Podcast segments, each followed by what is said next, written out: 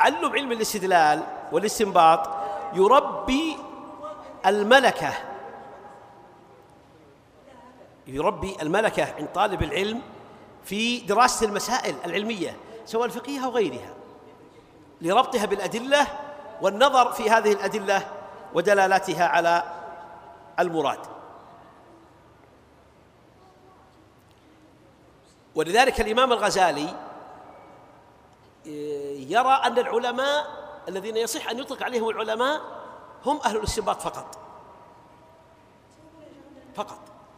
أما البقية أما من دونهم فإنه قد يكون عميا وقد يكون مقلدا وقد يكون طالب علم وقد يكون ناظرا في المذهب وإلى آخره. لكن العالم العالم هو الذي يستنبط. هو الذي يكون عنده هو الذي يستثمر الأدلة ويستحلب الأدلة ليستخرج مكنوناتها والأحكام التي تدل عليها. يقول إن قوله تعالى ولو ردوه الرسول وإلى أولي الأمر منهم لعلمه الذين يستنبطونه منهم أمر بالرجوع إليهم. وقد ورد الأمر بأن الرجوع إنما يكون للعلماء فدل على ذلك على أنهم هم العلماء أنفسهم. وهذا أيضا استدلال يعني جميل. بناه على مقدمتين. آه، جميل أن آه، يكون محل تطبيق عملي يعني. وبالمناسبة الاستدلال في بعض الأحيين يكون استدلال بالاقتران. وهذا يعني من باب الشيء بشيء يذكر.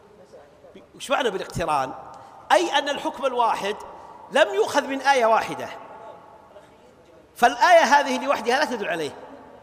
والآية هذه لوحدها لا تدل عليه.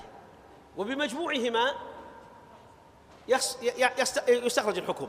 فمن أين أخذ الغزالي الآن هنا؟ هذا الدل يعني تطبيق عملي.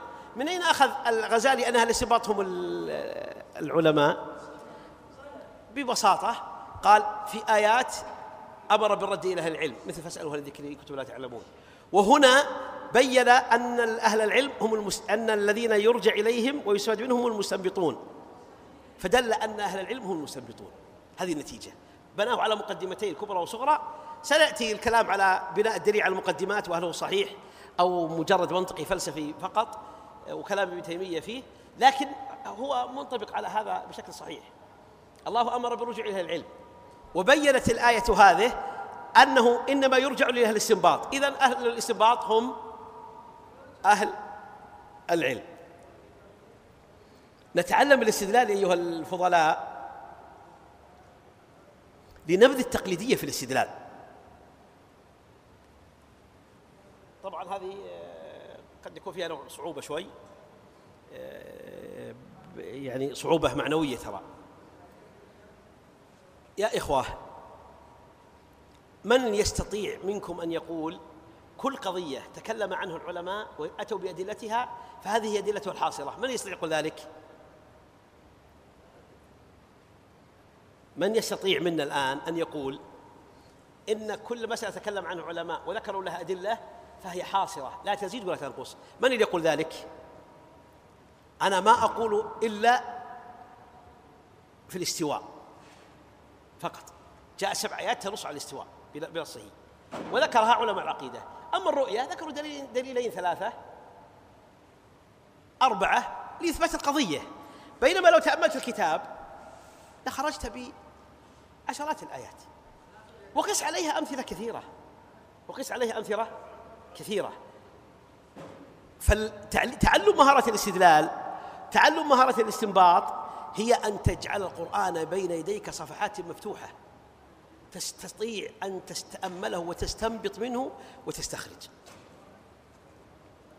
ولذلك الشأن بين العالم الراسخ وغيره أن غيره إذا بدأ يتكلم عن مسألة ذكر الأدلة المحكية.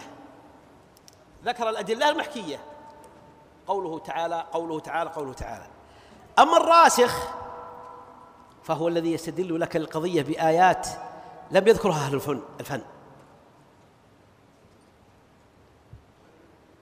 أو ما معي. لماذا؟ لأنه لأنه غير مأسور للتقليد والتبعية بل عنده ملكة ويستخدمها. عنده ملكة ويستخدمها. ولذلك تجد مثلا وأضرب أمثلة بالقرآن يعني وإن كان لا يصح التمثيل بالقرآن فقط بل لابد أن يكون بالقرآن والسنة. لكن بالمثال ابن تيمية عندما تقرأ في بعض كلامه ويستدل على بعض القضايا في العقيدة وحتى بالفقه ويذكر آيات تعجب. والله تعجب أيها الإخوة. استدلال غير غير مسبوق. استدلال غير مسبوق. لماذا؟ لأنه انعتق من تقليدية الاستدلال. إلى إلى روح النص الجميل الواسع الذي كلام ربنا ووهبنا الله عقولا وعلمه قواعد الاستدلال الشرعي الصحيح. فما الذي يحول بينه وبين النص؟ وما الذي يحول بينه وبين الآيات؟ ومن الذي ألزمه باستدلالات مكرورة إيه، إيه، لا يستدل إلا بها. من؟ أبدا. وقس على ذلك مثلا الإمام الشنقيطي ومن المعاصرين ما ترى أبدا أبرع من الشيخ محمد العثيمين في هذا الجانب. أبدا. حتى أن أحد الإخوة من المعتنين بالتفسير يحدثني عن نفسه يقول إني قرأت أربعين تفسيرا واستخرجت دلالاتها على الأحكام. أي قرأت أربعين تفسيرا يقصد في مقطع قرآني واستخرجت دلالاتها على الأحكام. طبعا الأحكام بالمعنى العام فقهية وحديثية وتفسيرية وعقائدية يقول فقلت لا مزيد. يقول فلما ذهبت إلى تفسير الآيات هذه عند الشيخ محمد العثيمين وإذا بها وإذا به باستدلالات أخرى لم تذكر من قبل. لماذا؟ هي القضية أن الاستنباط والاستدلال عندما تخضعه القواعد الشرعية نص صحيح من آية أو حديث صحيح وفق القواعد الشرعية المعتبرة وفق القواعد الشرعية المعتبرة سينتج لك حكما وإن تكن مسبوق إليه إذا إذا جاء أحد ينازع فيه فلينازع بوجه الدلالة وعدم انطباق المقدمات لتخرج نتيجة فقط. لا يجوز له أن يقول لا هذه ما ذكرها المتقدمون؟ هذا كلام لا يجوز. هذا كلام لا يجوز. لم يذكر المتقدمون هذا لا يجوز. إنما الشأن هل هو وفق قواعد السلف؟ هل هو نص صحيح؟ واستدلاله وفق قواعد السلف؟ وحينئذ عندما تتأمل كتب الفقه وكتب العقيدة وحتى كتب الأصول يعني حتى ما تزعلون علينا كثيرا تجد أن استدلال القضايا مكرور يعني مثلا عند الأصوليين الإجماع حجة لقوله تعالى ومن يشاقق الرسول من بعد ما تبين له الهدى ويتبع غير سبيل المؤمنين نوله ما تولى ونصيه جهنم وساءت مصيرا. ثم يتكلمون عن جلالتها ثم يذكرون اعتراضات الكثيرة جدا. بينما لو ذهبت إلى بعض كتب المفسرين وكتب المبدعين في الاستنباط لوجدت أنهم استدلوا على عصمة الأمة وحجية قولها بأدلة ربما تكون ربما تكون أكثر أستغفر الله ربما تكون أقوى من الاستدلال في من هذه الآية. لكن التأليف دائما يعتمد على التقليدية. ولا لا؟ ينقل المتأخر عن المتقدم. ولا يكون فيه حظ للاستنباط والاستدلال. إلا عند الراسخين وعند أهل العلم الأقوياء. طبعا حتى عند المحدثين ترى مثل ابن عبد البر الخطابي ابن حجر ابن رجب تجد عندهم إبداعات في هذا الجانب. لكن يعني إحنا نتكلم عن قضايا المفسرين. الرازي مثلا. انظر يعني عندما قالوا وبال عندما قالوا إن تفسير الرازي في كل شيء إلا التفسير. إن أرادوا أنه فيه كل شيء الا التفسير بمعنى بيان المعاني المجمله هذا صحيح. أما إن أرادوا بالمعنى التفسير العام وهو أنه انطلق من الآيات ليستدل على قضايا عقدية حتى لو كانت على مذهبه وتفسيرية وبيانية ولغوية وأصولية و والى آخره فهو فكتابه عظيم. فكتابه عظيم. ولذلك يعني كمثال لما أورد قوله تعالى يا أيها الذين آمنوا أطيعوا الله وأطيعوا الرسول وأولي الأمر منكم فإن تنازعتم في شيء فردوه إلى الله والرسول إن كنتم تؤمنون بالله واليوم الآخر ذلك خير وأحسن تأويلا. قال في هذه الآية استدلال لأكثر من أربعين مسألة أصولية. ما يتكلم عن العقدية ولا يتكلم عن الفقهية ولا يتكلم عن الإيمانية عن يتكلم عن الأصوليات فقط. وعددتها في التفسير واحدة واحدة. ثم يبين وجه الدلالة منها قد يكون وجه الدلالة هنا قوي. قد يكون فيه نظر. هذا أمر طبيعي ولا لا؟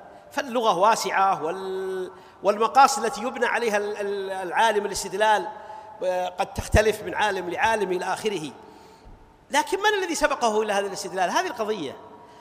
القضية أنك تجد كثيرا من الاستدلالات مثل ابن تيمية وابن حجر والخطابي وابن عبد البر والألوسي مثلا في بعض المواضع ومحمد رشيد رضا في بعض المواضع والصديق حسن خان في بعض المواضع والشيخ محمد بن عثيمين في كل المواضع ستجد أن عندهم استدلالات بديعة واستخراج الأحكام ربما لم يسبقوا إليها ربما لم يسبقوا وهذا كلام كما هو في الكتاب الكريم هو أيضا عندهم في أو عند في السنة النبوية. ولذلك ولذلك الملكة العلمية لتكون مجتهدا أن تنبذ تقليدية الاستدلال إلى النظر والسعة في فهم الكتاب وفي فهم السنة واستخراج الأحكام منهما وفق المنهج العلمي الصحيح.